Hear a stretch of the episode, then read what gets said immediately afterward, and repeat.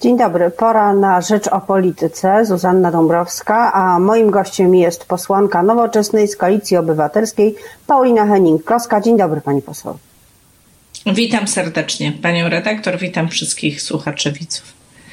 E, wczoraj przed 24 Prawo i Sprawiedliwość e, zdecydowało się na opublikowanie wyroku Trybunału Konstytucyjnego kierowanego przez panią Julię Przyłębską, wyroku dotyczącego aborcji. E, przedtem po południu opublikowano uzasadnienie z dwoma zdaniami odrębnymi dwóch sędziów, czyli stan prawny mamy taki, że dziś nie można korzystać z trzeciej przesłanki dotyczącej E, poważnych i nieusuwalnych wad płodu do przeprowadzenia zabiegu aborcji. Tak jest i czy e, można się spodziewać jakichś inicjatyw, które ten stan rzeczy mogą zmienić? Mm, pani redaktor, politycy Prawa i Sprawiedliwości od wczoraj próbują e, nas przekonywać, że nic się nie zmieniło, że nic się nie stało, że w zasadzie ten wyrok to nie zmienia stanu rzeczy, ale to nie jest prawda, bo w gruncie rzeczy, jeżeli przeczytamy całe to uzasadnienie, to można powiedzieć, że e, przesłanka numer 3 jest, e, chciałam wyciągnąć, ale za dużo tu różnych dokumentów, przesłanka numer 3, która mówi właśnie o nieodwracalnym, nieodwracalnych wadach płodu sprowadza się do przesłanki numer dwa, która mówi o zdrowiu i życiu kobiety, bo tylko z tego względu będzie można y, dokonać aborcji w tym trzecim punkcie. To po pierwsze, oczywiście, cyniczne zagranie na prawach kobiet, na naszych y, emocjach, tylko i wyłącznie po to, by przykryć nieudolność rządu w tej sprawie, by zakończyć temat, y, nim odejdą mrozy i zrobi się cieplej i więcej kobiet mogłoby wyjść na ulicę, ale zapewniam wszystkich polityków Prawa i Sprawiedliwości, że będziemy jeszcze bardziej solidarne i jeszcze bardziej stać ze sobą. A po drugie to oczywiście zrzucenie całkowicie odpowiedzialności na lekarzy, e, którzy będą musieli podejmować w, w tej przesłance decyzję, co robić, czy dokonywać aborcji, czy też nie, bo przecież e, zdrowie E, psychiczne kobiety jest równie ważne jak fizyczne. No i tak naprawdę dzisiaj nie wiemy, jak to wszystko, kto będzie podejmował takie decyzje e, i jak to wszystko będzie wyglądać. Prawda jest taka, że e, jakby temat został zamknięty i dziś z uwagi na trzecią przesłankę aborcji dokonać nie można, czyli prawo aborcyjne w Polsce zostało zawężone. A jeśli wróci e, pomysł prezydenta Andrzeja Dudy, jest projekt w Sejmie, e, który Prawo i Sprawiedliwość może teraz wyciągnąć z szuflady, który doprecyzowuje, co to są wady letalne, e, na czym polegają, stara się odpowiedzieć na te wątpliwości środowisk związanych z prawem i sprawiedliwością, które mają mniej radykalne poglądy w sprawie aborcji. Znaczy, generalnie żadne negocjacje z ludźmi, którzy chcą nam zabierać prawa. Prawa kobiet to są prawa człowieka. E, prawo do decydowania o swoim ciele to również jest e, prawo człowieka. Zmuszanie kobiet do rodzenia dzieci nieuleczalnie chorych płodów, e, dzieci, które umrą tuż po porodzie, zmuszanie na dziewięcio miesięczny terror, e, to jest nieludzkie traktowanie kobiet. I my się nigdy na to nie będziemy godzić, nie będziemy prowadzić żadnych negocjacji z ludźmi, którzy próbują kobietom to zrobić. E, to, że kobieta będzie miała wybór e, w tak e, ciężkich przypadkach jest naturalne w całym cywilizowanym, że ma wybór w tak trudnych przypadkach do decydowania o zdrowiu i życiu swoim, swojej rodziny jest rzeczą naturalną w całym cywilizowanym świecie. Tylko Polska kroczy w zupełnie drugą stronę jakiegoś średniowiecza, bo tak wymyślił sobie jeden człowiek, który dzisiaj e, podporządkował sobie cały Trybunał Konstytucyjny. Prawda Prawda jest taka, że też Trybunał e, działa z wadą prawną i wyrok można e, oczywiście uznawać, że nie jest wyrokiem. Natomiast prawdą jest też taką, że e, lekarze nie są od rozstrzygania, czy Trybunał został powołany w właściwy sposób, czy jego członkowie mają prawo orzekać, czy nie i czy dany wyrok nie jest wyrokiem, więc do prawa zapewne będą się stosować. To, co my chcemy zrobić, to złożyć projekt ustawy ustawy, który jako nowoczesna napisaliśmy między poprzednią a obecną falą protestów, czyli dekryminalizacji aborcji, który będzie mówił Ale o tym, jest że. Taki projekt. Pani poseł, jest taki projekt, złożyła go Lewica.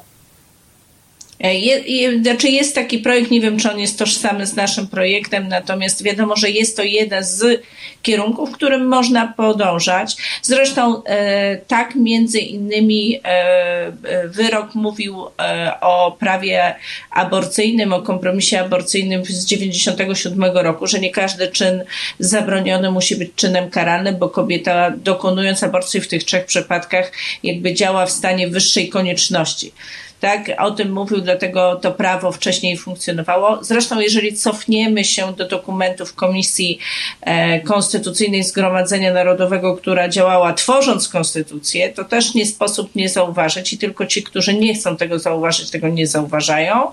E, tam pada wyraźne stwierdzenie, że w sposób świadomy komisja odeszła od ochrony płodu od poczęcia, by, y, by właśnie zostawić przestrzeń na ten kompromis aborcyjny, który funkcjonował.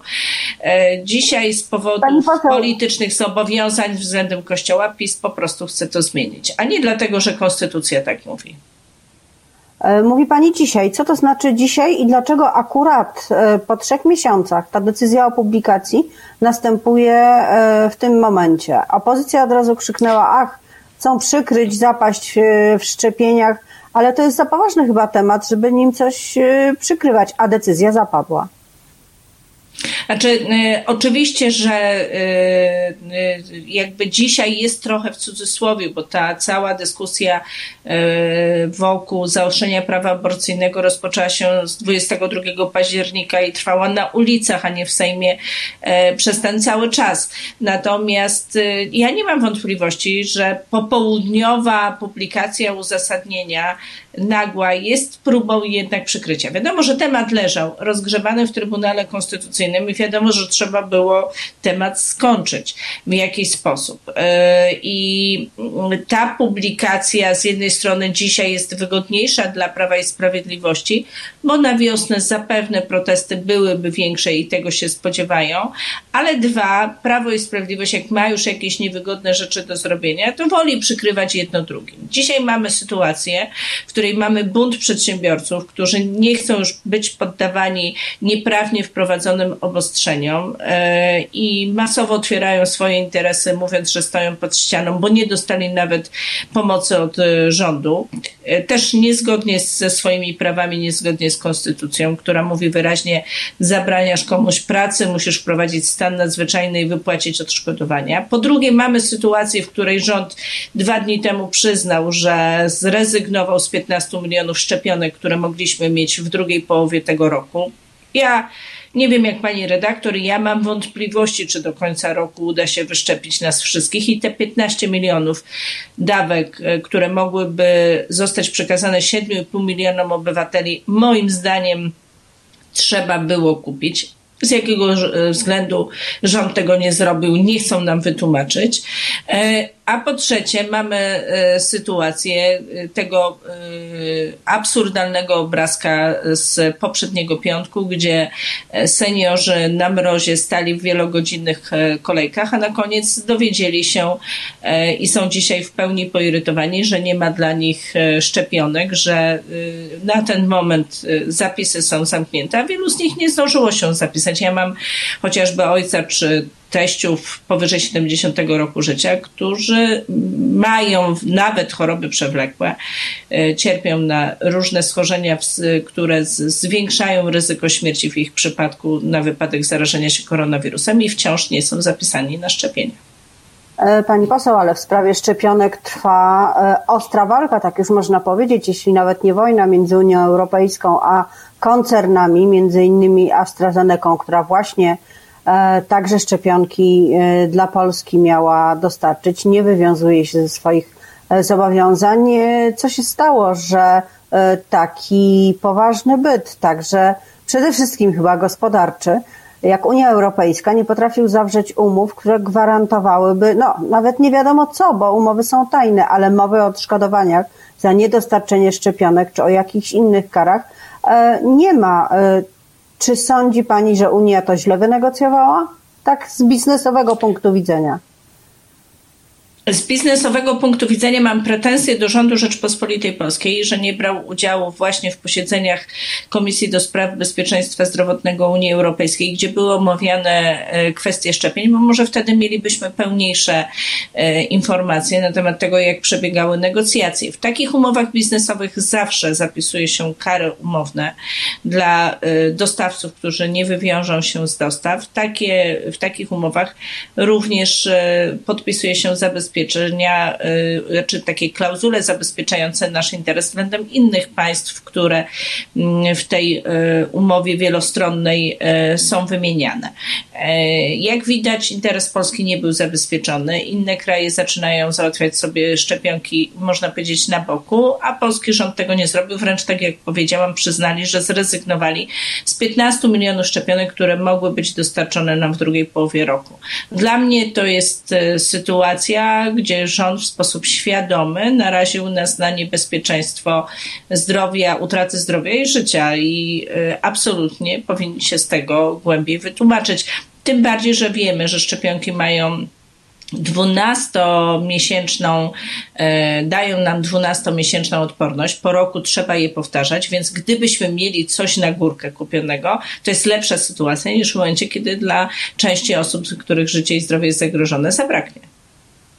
E, mówi Pani o buncie przedsiębiorców. To brzmi dosyć tak e, szlachetnie, ale przecież e, ten bunt może prowadzić do tego, że wirus, którego brytyjską odmianę już mamy na terytorium Polski, choć jeszcze w bardzo skromnym na szczęście zakresie, że ten bunt doprowadzi do, do rozprzestrzeniania się nowej odmiany COVID-19, nowego rodzaju i tej pierwszej też, co z tym zrobić? Co w sytuacji, kiedy być może przedsiębiorcy z prawnego punktu widzenia mają rację, przepisy są niewystarczające, no ale jednak częściowo stwarzają zagrożenie. Otwarcie e, w miejscach turystycznych e, restauracji, klubów, e, siłowni, stoków narciarskich, wszystko to, jak mówią epidemiolodzy, jest niebezpieczne. Znaczy, pani redaktor, dwie kwestie. Po pierwsze, to czego dziś potrzebują przedsiębiorcy. Po pierwsze, albo odszkodowań e, za zamknięty biznes, albo możliwości działania. Rząd e, nie otwiera biznesów i z drugiej strony nie wypłaca odszkodowań. Ja w styczniu miałam, e, w połowie stycznia u siebie w biurze panią, która prowadzi restaurację, która przyniosła mi wezwanie do zapłacenia składek na ZUS za swoich pracowników, z których dawno temu powinna być zwolniona, bo przecież ustawę w tej sprawie Sejm przyjął ponad dwa miesiące już chyba temu. E, tymczasem e, przedsiębiorcy dostają, potrafią jeszcze wciąż z tych zamkniętych branż dostawać wezwanie do zapłaty zaległych składek, mimo że złożyli e, wniosek o odroczenie, a potem umorzenie odroczonych składek do ZUS-u.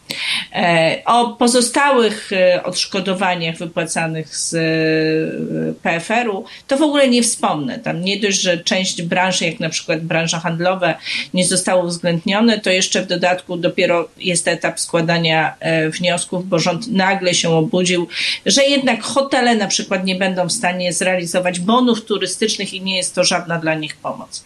To jest jakby jedna kwestia. Druga kwestia to jest faktycznie pewnej sprawy, sprawiedliwości i zasadności wprowadzania obostrzeń.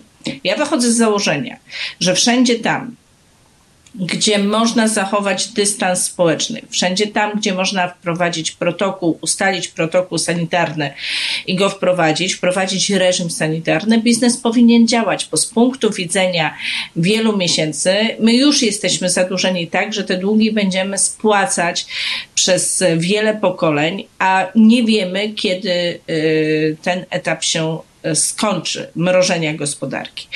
E, w związku z czym e, przedsiębiorcy dzisiaj patrzą i mówią tak, prowadzę taki sam biznes, e, na przykład handlowy, jak mój kolega, tylko ja mam wejście od strony galerii, a on mógł otworzyć sobie wejście od zewnętrznej strony. Czym się różnimy? Niczym. Tym, że do mnie trzeba przejść przez korytarz galeryjny, a do niego z zewnątrz. On może działać, ja nie. Biznes patrzy, na przykład, nie wiem, właściciele hoteli patrzą na Sylwester Jacka Kurskiego, który jest organizowany z udziałem widowni, patrzą na nabożeństwa e, odprawiane przez e, ryzyka, w których nagromadzone w jednym miejscu masa osób bez jakichkolwiek obostrzeń sanitarnych, część nawet bez podstawowych maseczek może brać udział w jednym nabożeństwie, a oni wiedzą, że mogą w pokojach odizolować rodziny, zrezygnować z, z, posiłków zbiorowych, a mimo to nie mogą prowadzić działalności e, gospodarczej. Nie wspomnę o tym, że jesteśmy chyba jedynym państwem w Europie, który kompletnie zamknął hotele i e, które nie mogą nawet przyjmować gości w, z kwestii służbowych, w kwestiach służbowych e, podróżujących. Natomiast o zewnętrznych, y, zewnętrznych y, obiektach użyteczności publicznej, jak stoki, to w ogóle nie ma, czy lodowiska, nie ma co wspomnieć, bo tam ograniczenie, zachowanie kolei, y, odstępów w kolejkach, zachowanie reżimu pod kątem ilości osób korzystających naraz obiektem naprawdę daje nam duży poziom bezpieczeństwa. Nie większy na pewno Dużo większy niż na przykład w galeriach handlowych, czy w, przepraszam, w marketach handlowych, w których czasami tłoczymy się tak, że jeden stoi na drugim. No wystarczy wejść do jednego czy drugiego marketu, pani redaktor, i widzimy, co tam się dzieje, więc. Ale dlatego właśnie, dlatego właśnie tak? nie bardzo wierzę w taką dyscyplinę wśród y, nas, wśród polskiego społeczeństwa, która pozwoli na zachowanie tych norm, właśnie dlatego, że widzę, co się dzieje w y, dużych marketach, tych sklepach wielkopowierzchniowych. E, e, I też widzę, jak seniorzy stają w tych kolejkach, stanęli w kolejkach pod przychodniami. No, to wszystko jest bardzo trudne do zorganizowania i, i jednak pewne zagrożenie może powodować. Oczywiście, że tak, natomiast jedno nie większe niż drugie. I teraz e, przedsiębiorcy patrzą na to wszystko i czują ogromną niesprawiedliwość, bo z drugiej strony wiedzą, że ich wieloletni biznes, często przekazywany z pokolenia na pokolenie, jest zabijany, że im się w żaden sposób do tego nie pomaga, więc y, czują, że wolą złamać reżim, wolą dostać, zapłacić karę, tym bardziej, że w sądach wygrywają ostatecznie. Mamy już wiele wyroków, które mówią o tym, że rząd wprowadził w sposób nieudolny e, i możliwy do obejścia obostrzenia, zarówno dotyczące tego poruszania się naszego, jak i, e, jak i prowadzenia działalności gospodarczej. W związku z tym decydują się na y, walkę w sądzie z rządem, no i trudno im się tak naprawdę dziwić, bo mają dość państwa świętych krów. Znaczy, rząd nie jest przede wszystkim konsekwentny w mm, tych obostrzeniach, które wprowadza. Mamy panią e, panią premier Emilewicz, która z dziećmi jeździła na stoku. E, mamy y, posła Prawa i Sprawiedliwości, który uczestniczył w wyjazdach zagranicznych. Mamy posła, który siedział na widowni w trakcie meczu tam siatkowego czy koszykarskiego, już nie pamiętam. Mamy z kolei posła, który się zaszczepił poza kolejnością. Więc jeżeli ludzie, obywatele widzą, że rząd tworzy normy prawne, których sam nie przestrzega, to czują się również zwolnieni, bo mają dość państwa świętych krów. Pani poseł, i to niech będzie puentą naszej rozmowy na dziś. Bardzo dziękuję za rozmowę. Moim gościem była posłanka dziękuję. Nowoczesnej Koalicji Obywatelskiej Paulina Henning-Kloska. Miłego dnia. Dziękuję bardzo. Do zobaczenia.